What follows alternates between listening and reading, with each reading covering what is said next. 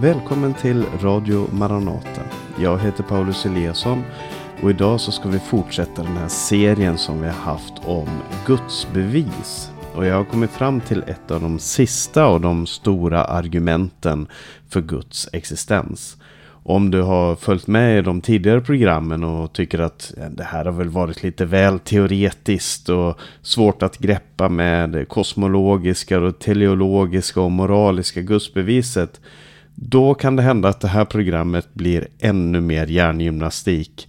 Eh, om du lyssnar på det här programmet när det sänds tidigt på morgonen och läggs ut tidigt på morgonen så kan det vara bra att ta en kopp kaffe eh, i samband med det här för att få igång hjärnan. Eh, men om du har tyckt att det har varit intressant med de här logiska argumenten för Guds existens då kommer du nog gilla att vi tar en halvtimme för att tala om det som kallas för det ontologiska gudsbeviset.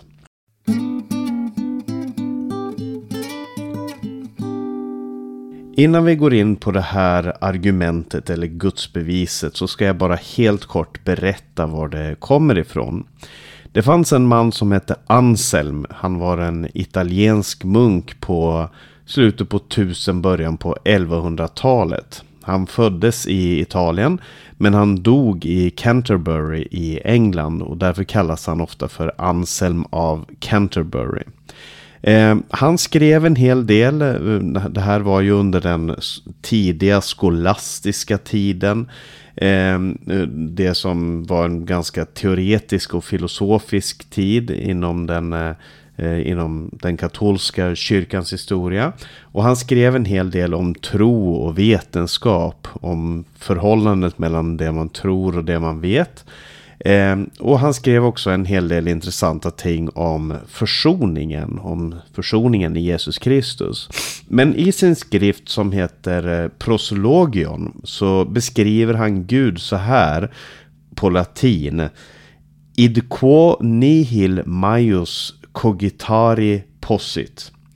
Eh, och det betyder ungefär den som det är omöjligt att tänka sig något större än. Så beskrev han Gud. Gud är den som det är omöjligt att tänka sig något större än. Och det är viktigt för det här argumentet för Gud som han utformade som kom att kallas för det ontologiska gudsbeviset. Att Gud är det största tänkbara, största tänkbara och till och med större än det som kan tänkas. I vår tid så finns det också filosofer som har eh, presenterat det här gudsbeviset och aktualiserat det. Kristna förkunnare och filosofer. Till exempel Alvin Plantinga som är en amerikansk filosof tillknuten eh, University of Notre Dame i Indiana. Han är nu 90 år men han har bland annat eh, arbetat en del med det här argumentet. Låt oss gå in på vad det nu handlar om.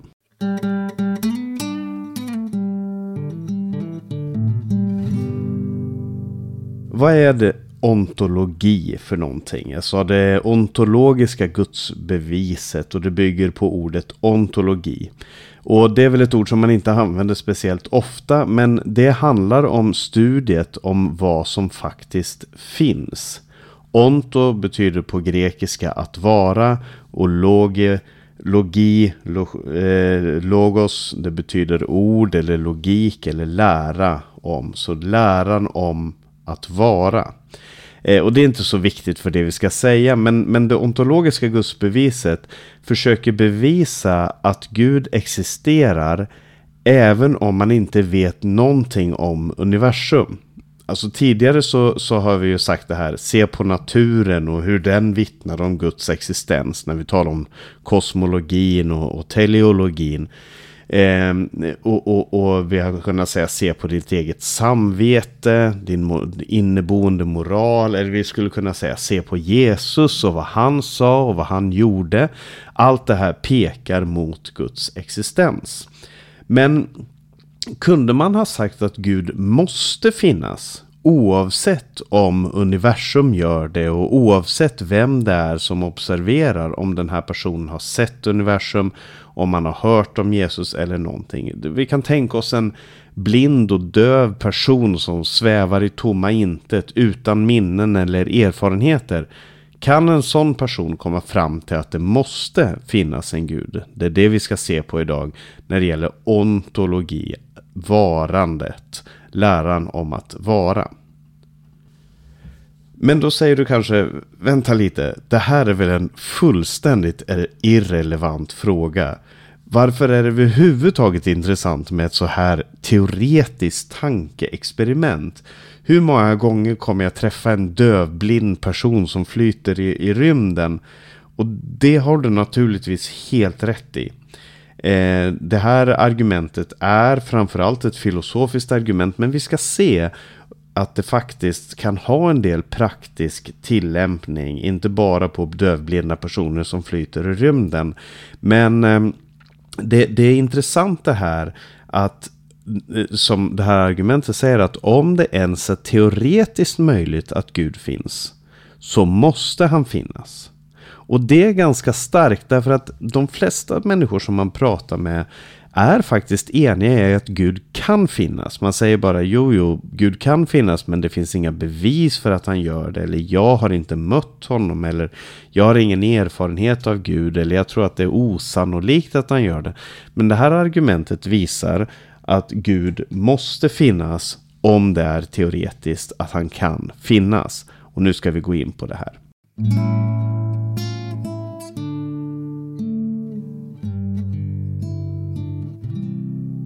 När vi talar om Gud så gör vi det helt naturligt utifrån vår kristna världsbild. Men om man definierar Gud på det sättet som, som Anselm gjorde eh, eller som eh, Alvin Plantinga sa där han beskrev Gud som det mest fullkomliga väsendet, det högsta tänkbara väsendet. Och vad menar man med det då? Jo, man menar att Gud är allvetande att han är allsmäktig, att han är allestädes närvarande och att han är fullkomlig i sin godhet. Och det är sätt som Bibeln beskriver Gud på. Den beskriver honom som allsmäktig. Den beskriver honom som allvetande. Eh, den beskriver att han är överallt. Han är också fullkomlig i godhet. Eh, och det är också så man rent intuitivt tänker sig Gud. Alltså om någon skulle komma till mig och säga att ja, det här är Gud, han är inte helt god. Då skulle man säga, vad för slags Gud är det? Det, det kan inte vara den, den största tänkbara guden i alla fall. Det måste i så fall vara en demon eller ett andeväsen av något slag. Men men eh, så det första vi ska lägga märke till då det är att Gud är det mest fullkomliga väsen eller det högsta tänkbara väsendet. Och så säger det ontologiska gudsbeviset så här. Punkt 1. Det är möjligt, teoretiskt möjligt, att det mest fullkomliga väsendet existerar. Och med det så menar vi alltså att det är teoretiskt möjligt att Gud finns. Det, det är premissen här. Kanske det är sant, kanske inte. Men om det är teoretiskt möjligt att det mest fullkomliga väsendet existerar. Och det, det, är inte svårt att tänka sig, för vi kan föreställa oss vad det här hade sett ut som, hur Gud kunde ha existerat. Och därför kan vi säga att det, det är faktiskt teoretiskt möjligt. Och så kommer den andra punkten. Om det är möjligt att det mest fullkomliga väsendet existerar så måste detta väsen existera i en möjlig värld minst en möjlig värld. Och här måste jag förklara lite, för vad är det här möjliga världen för någonting? Possible worlds pratar man om på engelska. Jag kan ta ett exempel. Jag, jag är äldst i en skara med en massa syskon. Och det hade varit möjligt för mina föräldrar att inte skaffa sig fler barn eller inte få fler barn efter mig. Mamma och pappa kunde ha blivit sjuka så det var omöjligt. De kunde ha dött i en olycka. Nu låter det hemskt när jag säger de här sakerna. Men det kunde ha hänt någonting som gjorde att jag inte fick syskon. Det är ingenting ologiskt eller omöjligt i en sån värld. Alltså är det en möjlig värld? Jag säger inte att den här världen finns någonstans, att den existerar och att eh, jag, det finns en värld där jag inte har syskon eller så. Utan jag bara säger att det här är en teoretiskt möjlig värld. Eh, som, exister, som inte existerar, men, men som är teoretiskt möjlig. Där jag saknar syskon. Det kunde ha varit så. Eh, Däremot så är det inte möjligt. Det är många saker som, som det inte är möjligt eh, att det finns. Eh, till exempel runda fyrkanter. Det är en logisk omöjlighet. Det finns många saker som inte existerar och heller inte kan existera därför att de är logiskt omöjliga. Som runda fyrkanter. Eh, det, definitionen på en fyrkant är att den inte är rund och definitionen på en cirkel är att den inte är en fyrkant. Så det är inte tekniskt möjligt. Eller en gift ungkar eller vad man nu vill.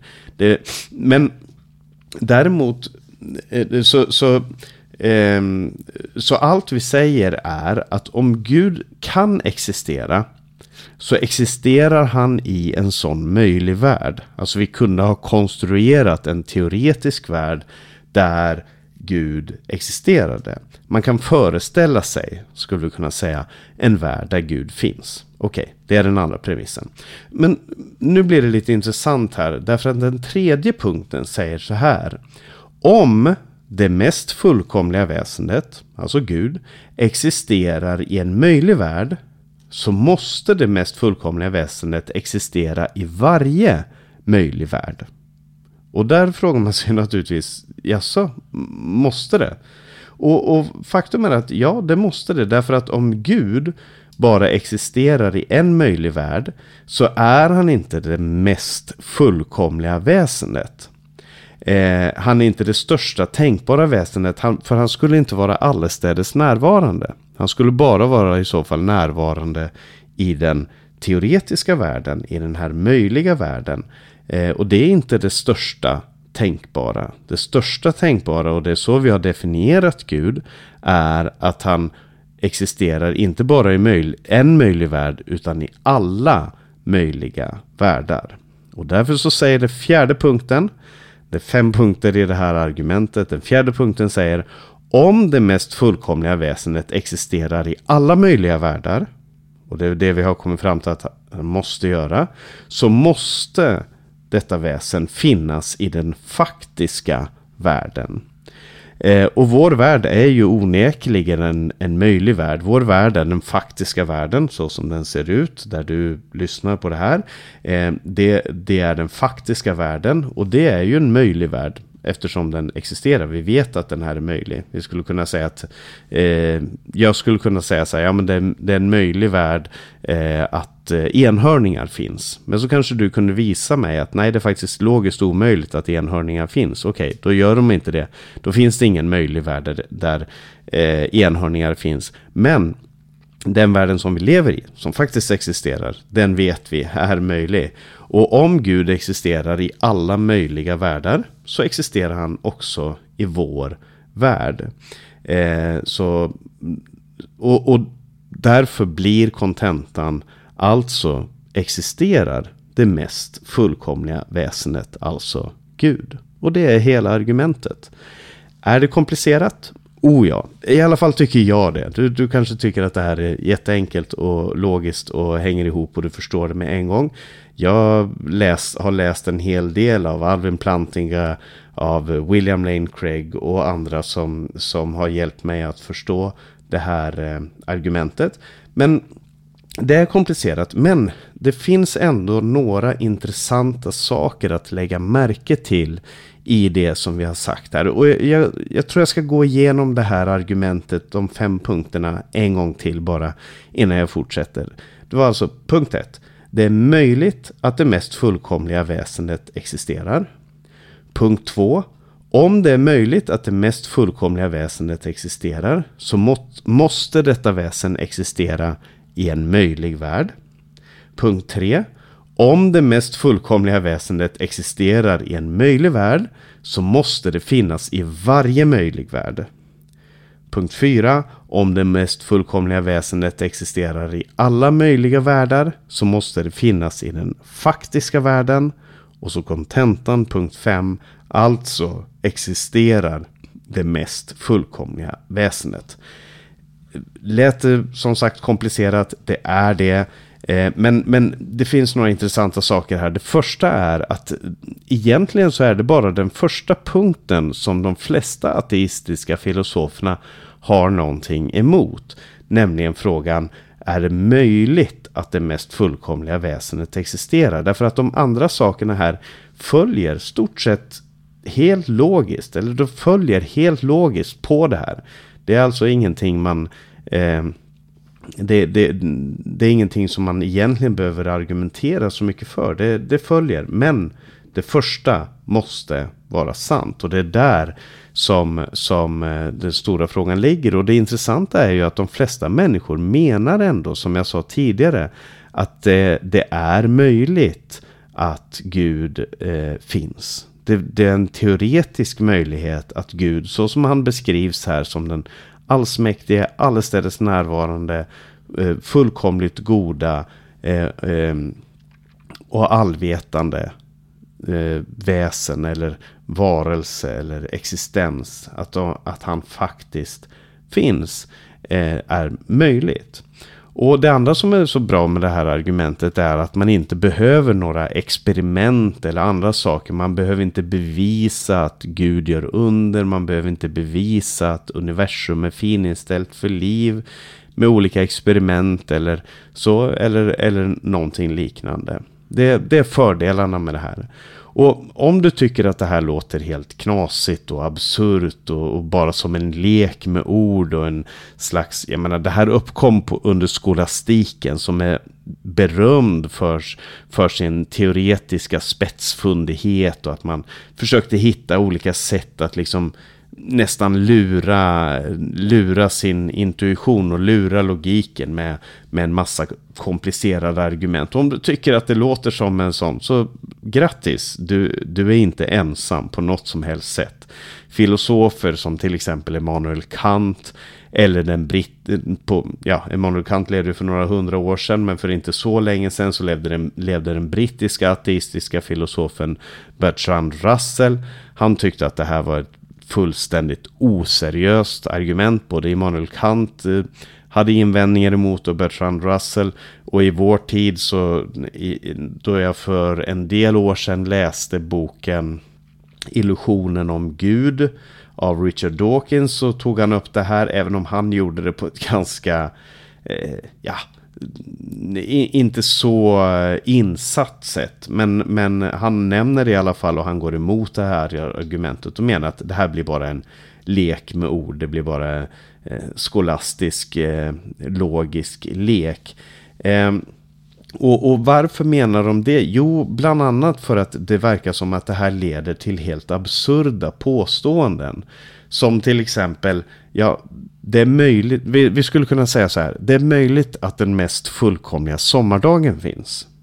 Eller hur? Det, det, är möjligt. Och om den finns så måste den finnas i alla möjliga världar och då måste den finnas i vår värld. Så, så den mest fullkomliga sommardagen den måste finnas i vår värld. Och om den finns i vår värld så måste den finnas överallt i vår värld. Eller du, eller du skulle kunna säga mm, den mest fullkomliga glassstruten eller den mest fullkomliga bilen och så vidare. Och det blir helt enkelt absurt. Vi skulle gå runt och se de mest fullkomliga sakerna av allt möjligt överallt hela tiden. Men det är inte riktigt så enkelt. För hur ser den fullkomliga sommardagen ut? Är den logiskt möjlig? Är det 27 grader och, och 19 grader i vattnet då? Eller är det 28 grader och 21 grader i vattnet? Eh, går man runt på stranden eller blåser vinden? Det finns alltid olika åsikter om vad som är den mest perfekta sommardagen. Eller den mest perfekta glasstruten eller den mest perfekta bilen. Eh, det är ingenting objektivt utan det är subjektivt. Däremot Guds attribut som jag nämnde då allvetande, allestädes närvarande, allsmäktig och helt igenom god. Det är objektiva eh, eh, eh, attribut som finns hos Gud. Så, så det är inte riktigt så enkelt som de här filosoferna och tänkarna, även om de har eh, rest upp väldigt seriösa eh, motargument mot det här argumentet. Men eh, till slut här, vad, vad, vad, vad, skulle man ha för användning för det här argumentet? Jag måste ju säga att jag har ju en del argument för Guds existens som verkligen har hjälpt mig, som har styrkt mig. Eh, i, i min förståelse av vem Gud är. Jag började den här serien med att berätta om eh, hur olika argument för Guds existens har hjälpt mig att bli stärkt i min tro på Gud. Det här argumentet var inte ett av dem. Det var inte det som, som styrkte mig i min tro på Gud. Men det har samtidigt hjälpt mig att se hur, eh, hur starkt det här caset, alltså hur starkt det här, den här eh, påståendet är som vi, som vi säger i den här världen, ibland så många olika åsikter, hur starkt det här faktiskt är. Gud finns. Gud existerar och eh, det är helt logiskt att tro på Gud. Eh, och jag, jag, skulle ju inte rekommendera att du tar upp det här argumentet i, i, i, ett väckelsemöte eller på evangelisation när du står ute på gatan. Men Bibeln säger ändå så här i andra Korinthierbrevet 10 vers 5 säger aposteln Paulus Vi bryter ner tankebyggnader och allt högt som reser sig mot kunskapen om Gud. Och för någon människa så kan det här vara muren som de har rest upp emot Gud. En tankebyggnad som de har rest upp mot guden och säger till exempel ja men det är helt ologiskt att Gud skulle existera eller det där är bara tankar för enkla sinnen eller kanske Gud finns men jag har inte sett det eller upplevt honom. Och då kan det här faktiskt vara med. Och jag har hört vittnesbörd från de som har sagt att det här har varit med på att faktiskt leda dem till en förståelse av vem Gud är. Men när det är sagt, det här argumentet det används aldrig i Bibeln. Eh, man skulle kunna säga att i Bibeln så förutsätts det att det är det Gud, det högsta tänkbara väsendet, måste existera. Men det här som argumentet så som jag har formulerat det här används aldrig i Bibeln. Av den enkla anledningen att Gud inte är någonting som man bara ska filosofera om. Utan det är en person. Han är en person som man ska uppleva, som man ska komma nära, som talar. Eh, och den upplevelsen, den gör man allra bäst när man ser upp på Jesus Kristus som dog och som uppstod för oss. Som dog för våra synder, som uppstod för vår rättfärdiggörelses skull.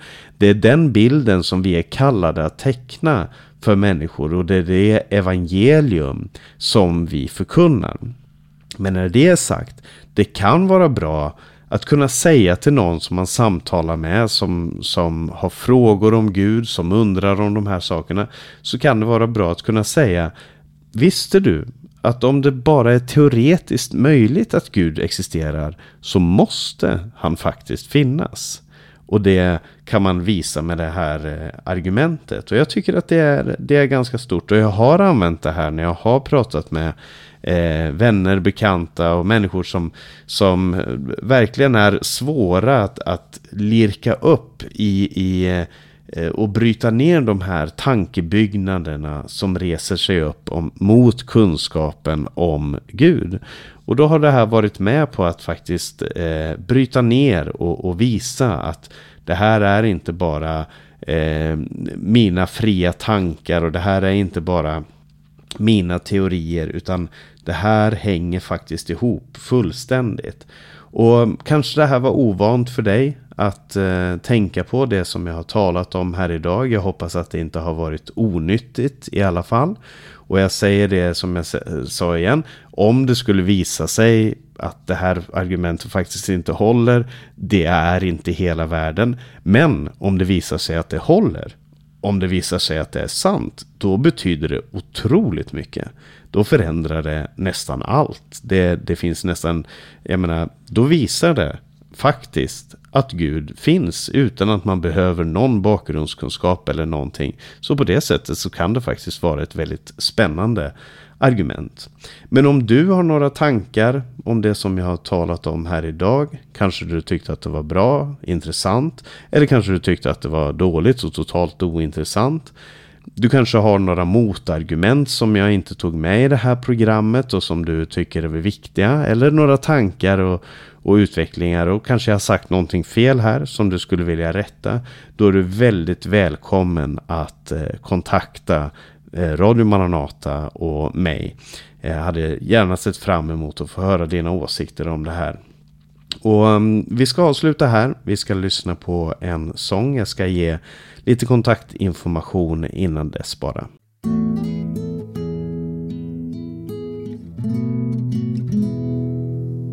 Du har lyssnat på en podcast ifrån Maranata Podcast med mig Paulus Eliasson. Det här programmet har sänts över Stockholm och Örebro närradio. Du kan komma i kontakt med oss via e-post info maranata.se eller telefon 070-201 60 20. Sprid Guds välsignelse till alla du möter på återhörande och vi lyssnar nu på en sång.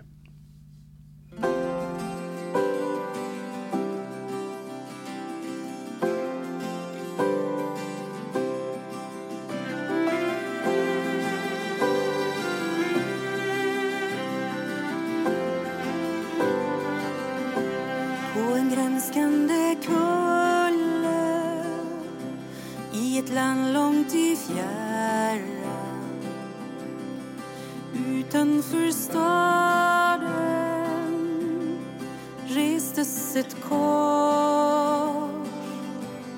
Där frälsaren Jesus konungars kors.